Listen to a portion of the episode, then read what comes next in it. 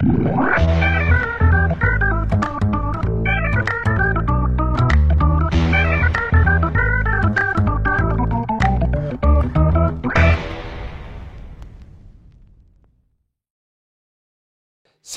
Ümit Sami Kubuş. Buyurun benim. Yine hayatımızda var olan ama varlıklarını bir türlü tam net hissetmediğimiz, doğanın bütüncül bir parçası olup biz doğadan uzaklaştığımız için onları sezemediğimiz bir canlıyla baş başayız. Geliyor. Yarasalar. Oo. Günümüzün hatta son iki yılımızın konusu aslında. Aynen öyle. Yarasa çorbası diye başlayan bir hikaye. Yarasa yemek diye başlayan bir hikaye. Bu arada o Sami o doğru mu? Ne? Yoksa e, efsane mi? Yani Covid gerçekten insanlar yarasa yedi diye mi oldu? E, Yoksa- genel kabul o yönde. Evet yani uzak doğuda birilerinin yarasa çorbası yapmasıyla. e, Daha önceden de biliniyor. Covid diye bir e, virüs türü var zaten. Tabii bizim öğrenciliğimizde örnek olarak anlatılan e, virüslerden bir tanesiydi. Yarasalarda da göründüğü biliniyordu. Ama insana bulaştığı bilinmiyordu. Bulaşmıyordu. İlk defa oldu zaten. Başımız o yüzden bu kadar derde girdi. E, ve genel kabul bir yarasa çorbasından dünyaya yayıldı üzerine. Yani virüsü yiyerek kapabiliyor muyuz öyle? Yani mesela yarasa atıyorum bizim yaşadığımız mekanda yaşadığı için kapmadık o virüsü yani. Yarasa hapşırdı ve biz hasta öyle değil yani. Yok. Yedik onu yani. Yemekten daha ziyade e, temas etmekle ilgili bir şey bu. Hani yarasayı pişirmek için temas etmen gerekiyor. Normal hayatımızda İstanbul'da da çok görüyoruz. Ben şöyle bir sosyal medyayı, interneti karıştırdım. Yani korkuyla karşılanan ve uzak durulmaya çalışılan bir canlı türü.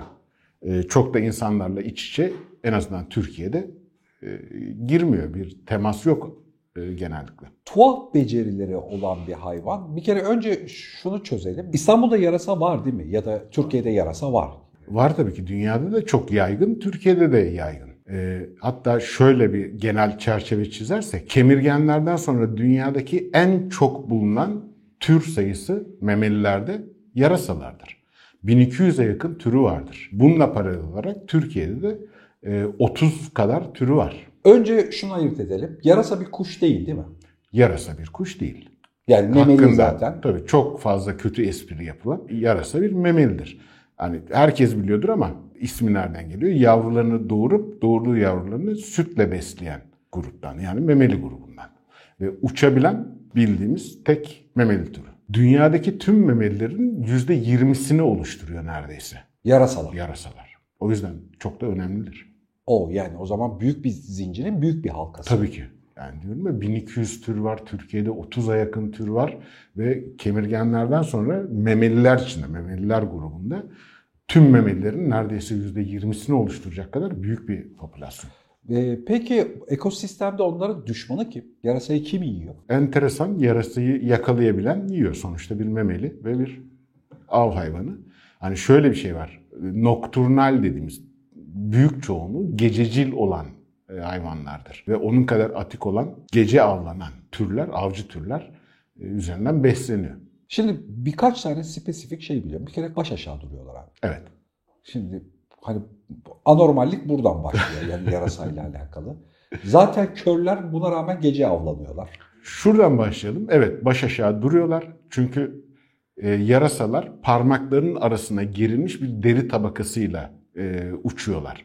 Yani tüm vücut yüzeyinin %95'ini bu deri oluşturuyor. Ve parmakların arasında deri gerildiği için dört ayaklılar gibi normalde dört ayaklılar ama dört ayaklılar gibi dört ayağın üzerinde duramıyor. Mutlaka onları toplayıp arka ayaklarını kullanması gerekiyor. E, en rahat pozisyonda baş aşağı durmak. Fizyolojileri gereği öyle duruyor. Anladım. Yani doğru. bir taraf fazla gelişince ağırlık dengesi bozulmuş Tabii. aşağı doğru sarkmak aşağı doğru sarkmak durumunda kalıyor. Bu bir, bu doğru. E, ama ikinci olanı e, kim dedi ki yarasaların kör olduğunu? Yarasalar kör değil. Yarasalar hatta bazı türleri insandan daha iyi görüyor. O. Tabii. E ama hani bunlar radar madar sinyal gönderiyordu. Gece Tabii. geri geliyordu falan. Ekolokasyon, sesle yön bulma, sesle hedef bulma özelliği var. Genellikle kütle olarak küçük yarasalarda ekolokasyon çok gelişmiştir. Görürler hatta acı ışıkta insana göre daha iyi görürler. E, ama yarasalar arasında e, şeydir. Hani kendi içlerinde çok iyi görmezler ama gözleri kör değil. Görüyorlar. Şuradan anlayabiliriz bunu. Ekolokasyon çok uzun mesafelerde işe yarayan bir şey değildir. Yakın mesafede işe yarar. önce avını veya gideceği yeri, habitatı görmesi gerekir ki oraya yönlenir. Ondan sonra ekolokasyonu kullanarak yani ses yayıp yaydığı sesin yansımasıyla bir zihninde görüntü oluştururlar. Avın yerini, yüksekliğini, büyüklüğünü, hareket edip etmediğini algılayabilir. Ama bu kör olduğu anlamına gelmez. Görebiliyor onlar. Anladım.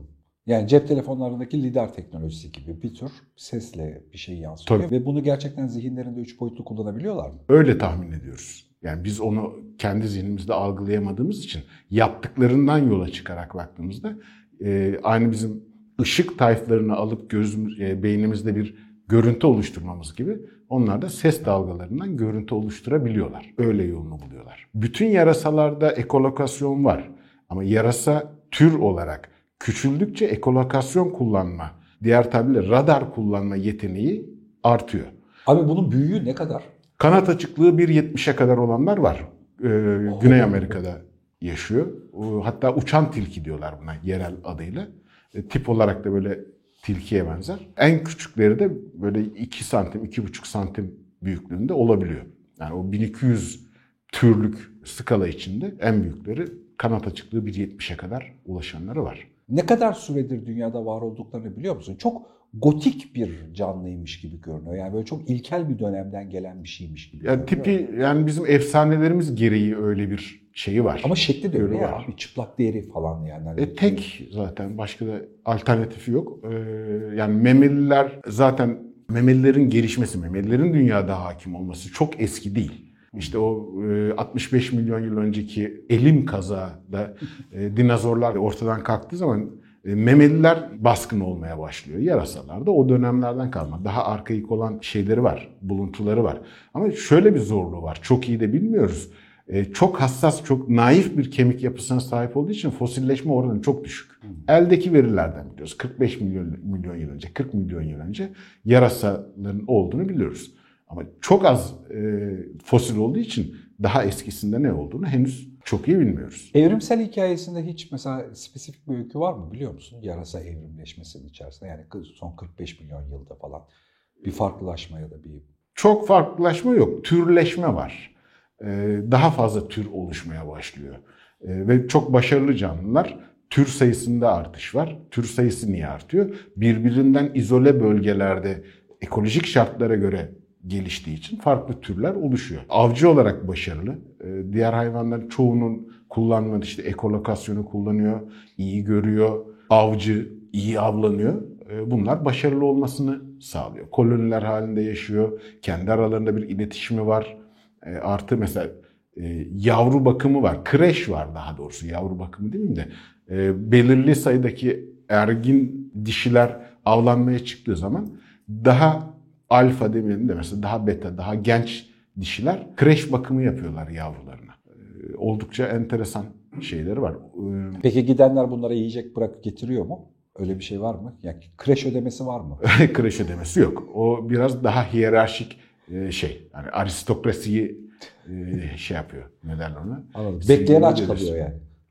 E, aç kalmıyor ama hani ikincil derecede gidip e, Avlanıyor. avlanıyor. Ve av- onların avcılık yeteneği bizim için de çok önemli birincisi. Neden? E, neden? Çünkü e, insan popülasyonları için, insana yakın yaşayan diyelim ki şeylerde, kolonilerde, e, türlerde bizim için zararlı olduğunu bildiğimiz türlerle besleniyorlar. Mesela sivrisinekle besleniyor, karasinekle besleniyor, güveyle besleniyor. Yani yılda küçük bir koloni diyelim, hani çok devasa olmasına gerek yok.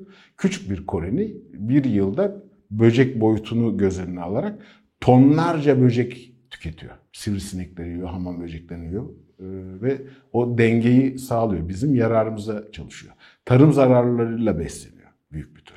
Mesela Türkiye'de bir tek cüce mısır yarasası tarım alanında zararlı olduğu biliniyor. O da e, meyveyle beslendiği için. Genel olarak yarasalar zaten ikiye ayrılıyor. Bir e, meyve yarasaları bir de etçil yarasalar. Etçil yarasalar böceklerle küçük, daha küçük memelilerle besleniyor. Fareler, maalesef fındık fareleri falan. İşte boyutuna kertenkele. göre boyutu yetiyorsa besleniyor. Ama ağırlıklı olarak böcekler, gececil böceklerle. Gececil böcekler kim? Bizim bildiğimiz güveler. Zararlı mı bize? E, zararı oluyor. Ne? Sivrisinekler. Ne? işte gece uçan diğer e, bizim tarım veya e, sosyal hayatımızda zarar veren böceklerle besleniyor ve kitleler halinde yok ediyorlar. Yiyorlar, besleniyorlar. O yüzden faydalı bizim için. E, Türkiye'de en büyük yarasa yani hani büyüklük açısından çok büyük yarasa yok değil mi bizde? Tilki yok yani. Yok bizde yok. Onlar daha e, ekvatora yakın bölgelerde, sıcak bölgelerde yaşıyorlar. Bizdekiler Benim gördüklerim böyle bir karış büyüklüğünde. O kadar. Yani hani yani biraz daha iriler işte iki karış olanları var güneye indikçe. evet sıcaklık fark ediyor değil mi? E tabi memelilerde de fark ediyor. E, peki etçil yarasa bizde var mı? Bizim İstanbul'da gördüğümüz o gece karanlığında e, sokak ışıklarının etrafında dolanan, evlerimizin etrafında dolananların e, 30 türden 29'u etçil bir tanesi. Peki onlar niye kediye köpeğe dalmıyorlar mı? E, O kadar Hiç. büyük değiller. Hani dalabildikleri güveler, sivrisinekler, hamam böcekleri, e, uçan böcekler e, onlara dalıyorlar. Peki bunlar kan emiyorlar diye böyle üzerlerinde yapışmış bir yafta var. Kont Dracula. Haha, Kont Dracula, vampir, vampir falan hikayeleri, mevzuları. Ne diyorsun o konuyla alakalı? Valla ben bir şey demiyorum doğru. Gayet huylandırıyor durup dururken bizi? Bizde yok ama. O sadece Güney Amerika'da yaşayan iki tür var. Yani 1200 türün içinde iki tür var kanla beslenen. Onlar da genellikle büyükbaş hayvanların kanlarıyla beslenir. Hani bizim efsanelerdeki gibi yapıştığı zaman kanı bitirme bilmem ne o tür bir şey yok. Yani 3 milim, milimetre kan alıyor diyorsun. anca yani bir ayda bir inekten emdiği kan bir çay kaşığını anca doldurur. Öyle şey değil. Yalıyor kanı yani. Zaten emmiyor, yalıyor. Dillerinin altında böyle çift kanal vardır onların. Çok keskin dişleriyle hayvanın özellikle ayak kısmında e, bir yara açarlar. Oradaki kanamayı yalarlar. O kan kanallarıyla da yaladığı şeyi yutar kanı. E, tabii enteresan şeyleri var. Mesela antikoagülant dediğimiz kan pıhtılaşmayı engelleyici enzimler vardır. Orayı kestikten sonra oranın pıhtılaşmasını engeller. Ama hani filmlerde gördüğümüz gibi böyle devasa kocaman yarasalar değil onlar da küçücük ve 1200 tür içinde iki tür onlar da Güney Amerika'da yaşıyor. Bizde kanemen yok. Peki bu Pensilvanya falan e, şeyde bu vampirin doğduğu yer, Drakula'nın doğduğu yer hani oralarda öyle türler yok mu? Yok yok. O bizdeki türlerle çok similar, e, benzerdir. Yani iki tür eksik, üç tür fazladır. Bizim Anadolu habitatıyla benzerdir. Biraz daha kuzeyde kalır. E, Onun haricinde benzer. O daha çok bizim kültürel evrimimizle ilgili. Yani o yarasının gececil olması, çok atik olması, memeli olması gibi özellikleri efsanelerde birleştirmişiz. e, Kont Drakula'yı yaratırken. E, Ama Yani şey- canlı olarak yani hani şöyle bir şey var ya o, o biraz e, farklı geliyor insana ya da algılamakta zorluk çekiyor. Yani işte Şahinden kediye köpeğe hatta böcek cinslerine kadar baktığında biçimsel anlamda belli bir estetizm barındırıyor ya. insan gözünün estetik olarak algılayabileceği Tabii. biçimleri var. Kurbağaya da baksak, kaplumbağaya da baksak, kartala, şahine, güvercine hani çeşitli kediye köpeğe ineğe de baksak öyle. Ama yarasaya baktığımızda bu ortalama grubun dışında bir estetik durumda ya. Evet. Yani böyle hani o yüzden böyle gotik bir ya da yani ben de gotik kelimesini canlandırıyor ya da işte böyle çok çok eski tarihlerden bu yana gelmiş gibi Yok o kadar da arkaik bir tür değil. Hah arkaik aradım kelime Ha, ya. değil. Gotik Ama- deyip duruyorum. O bakış açısı genellikle bizde sanırım şundan kaynaklanıyor. O biraz önce saydığım türlerin hepsi bizim gündüz gözüyle görebildiğimiz, gözleyebildiğimiz, şahit olduğumuz şeyler. Gotik kabul ettiğimiz veya arkaik böyle daha estetik dışı kabul ettiklerimizi bir canlandıralım gözümüzde. Günlük hayatta görmediğimiz ya gececil olan ya yer altında yaşayan ya böyle insanların çok fazla girip çıkmadığı yerlerde gizlenerek yaşayanları biz evrimsel olarak seçmişiz. Antipatik olarak. Hmm. İşte çiyan gündüzleri bizde yaşasaydı muhtemelen o kadar korkunç bir hayvan olmayacaktı. Yarasa da öyle. Gecenin bize verdiği o korku, ürperme kültürel seçilimden de kaynaklanıyor. Yani bizim gündüz yaşadığımız, gündüz aktif olduğumuz dönemlerde karşılaştığımız hayvanlara bir atama yapıyoruz işte. İşte ormanların kralı, vahşi, puma, kartal. Hep bir kültürel atama yapıyoruz. Görmediklerimize de onun genellikle zıttında antipatik bir eğilimimiz oluyor. Ama bunun yarasayla alakası yok bence. Anladım. Peki yani koronayı ondan kaptığımız teorisi haricinde yarasaların insanlara bir zararı var mı? E, hastalık taşıyorlar. Önemli taşıdıkları hastalıklardan bir tanesi kuduz. Tabii kuduzu direkt insanlara taşımıyor ama insanların yaşadığı coğrafyadaki hayvanlara taşıyor. Ondan da bize geliyor. Tabii. Tabii o oluyor. Hani çok böyle hani spesifik zinciri tamamlayan bir şey değil. Çünkü sadece insanlarda değil diğer büyük canlılarla da temastan kaçınan bir hayvan. O yüzden direkt bulaşma vakaları az ama taşıyor. Buna benzer hastalıklar taşıyor. Bir kere memeli olduğu için ortak habitattaki hastalıkları e, üzerinde barındırabiliyor. E, o Yani kuşlara tehlikeli. oranla daha bize uyumlu hastalıkları taşıyor. taşıyabiliyor. Ama temasımız çok kısıtlı olduğu için yararı verdiği zarardan daha üst düzeyde. Yani birçok ülkelerde kültürel olarak mesela yarasa gübresi çok değerlidir. Hani tarım zararlarını avlayıp tükettiği gibi bir de hayvanların mağaralarındaki guano denilen yarasa gübrelerini kullanıyoruz ve çok değerli gübrelerdir. Ekonomik olarak da çok e, üstün gübrelerdir. O kullanılıyor mesela. Bizde yok tabii. O kadar büyük koloniler bizde yok. Oluşturulmaya çalışıldı. Zamanında İstanbul'da da yapay mağaralar yapıldı. Sadece o yarasa kolonilerini kaybetmemek için yapıldı. Yani orada bir hatalar oldu demek ki. Çok büyük popülasyonlar o dönemlerde kayboldu. Göç ettiler, yok oldular. Biz böyle şeylerle uğraştık mı gerçekten? Ya İstanbul'da yarasa mağarası olsun diye mağara yaptık mı yapay mağara? Tabii tabii yaptık. Böyle şeylerle kim uğraşıyor Sami? Yani devletin hangi kurumu ya da hangi yapı uğraşıyor? Büyük ihtimalle Çevre Bakanlığı uğraşıyor bunlarla. E, genellikle bu tür... Çevre Bakanlığı'nda yarasadan sorumlu genel müdür mü? Yok. Bu tür işlerin ateşleyicisi sivil toplum örgütleridir. Mesela Türkiye'deki e, Avrupa'da da aynıdır. Birçok çevre kanunun çıkmasını yolunu açan kuş gözlem topluluklarıdır. Biz onları hep böyle entelektüel, bohem yaşayan, işi gücü olmayan, e, dürbünle dolaşan insanlar gibi Ya söyleriz da ama casus. ya da casus en büyük yapıştırmasıdır. E, ama bu tür e, koruma kanunlarının zeminini oluşturan e, bu tür STK'lardaki amatör veya profesyonel doğa gözlemcileridir. İşte yarasaların da e, o efsanevi kötücül yaratıklar olmadığını, halbuki insan yaşamını destekleyen önemli türler ve kalabalık bir tür olduğunu ortaya çıkaran bu konuyla ilgilenen işte mağaracılar, doğa gözlemcileri, o tür arkadaşlarımız ve o tür sivil toplum örgütleridir. Bugün kullandığımız birçok yaban alanı koruma kanunlarının veya yaptırımlarının birçoğu bu tür STK'larla ortaya çıkmıştır. O yüzden e, çok önemlidir onlar da. Kuş gözlem toplulukları, işte bitki toplama toplulukları, doğa fotoğrafçıları, mağaracılar, dağcılar, bohem yaşayan sadece entelektüel haz için dolaşan arkadaşlar değil. Bunlar bizim bildiğimiz anlamda insan varlığını, doğa varlığını korumak için en büyük katkıda bulunan kişiler. Yani sadece tanıyarak, izleyerek, ölçümleyerek yaptıkları bir eylem aslında. Tabii ki. yani konuyu genel olarak anlama açısından da değerli bir hikaye bu. Kesinlikle. Yani mesela yarasaların... Sadece farkında olmak bile koruyor bazı şeyleri. Kesinlikle. Farkında olmak bunları profesyonel olarak peşinden gitmeyi gerektirmiyor. İstanbul'da yaşıyoruz. İşte bir hamam böceğinin, bir sivrisineğin, bir yarasanın, cüce orman kartalının gibi bunların adını bilmek, üstümüzden geçerken görmek, yolda yürürken bir ıtır çiçeğinin ıtırıyla bağlantısını, Mendel'le bağlantısını bilmek ayrı bir haz veriyor. Ve onların yok olmaya başlaması hüzün yaratıyor ve insanları harekete geçiriyor. O yüzden e, şehir içinde dahi olsa doğa gözlemciliği, doğanın şehrimizin içindeki parçalarını bilmek hem çok zevkli hem çok eğlenceli. Hem de Yarasalar doğaya normal şey. koşullar altında şehrin içine giriyor mu Sami? Tabii şehrin içine giriyor. Genellikle gündüz vakitleri böyle izbe çatı aralarında, ormanda güneş almayan yerlerde, eski binalarda, tarihi eserlerin içlerinde yaşıyorlar. Oralarda gündüzleri. e, Peki yaşarlar. onların sosyal organizasyonu, memeli onlar daha sosyaldirler. E, koloni halinde yaşıyorlar. Koloni içinde yeni doğan yavrulara bakan kreş diyebileceğimiz unsurları var. Bir hiyerarşisi var yaşa göre ve çok uzun yaşarlar. Öyle hani geçen karga muhabbetinde de dedik ya mesela yarasaları biz küçük ve narin olduğu için kısa yaşıyor zannediyoruz. Türe göre değişmekle beraber 15-20 yıl yaşayanları var. E bu da bir öğrenme, bir hiyerarşi, bir alfa beta ilişkisi. ilişkisi ne kalabalıklıkta olabiliyor? Ee, çok değişken.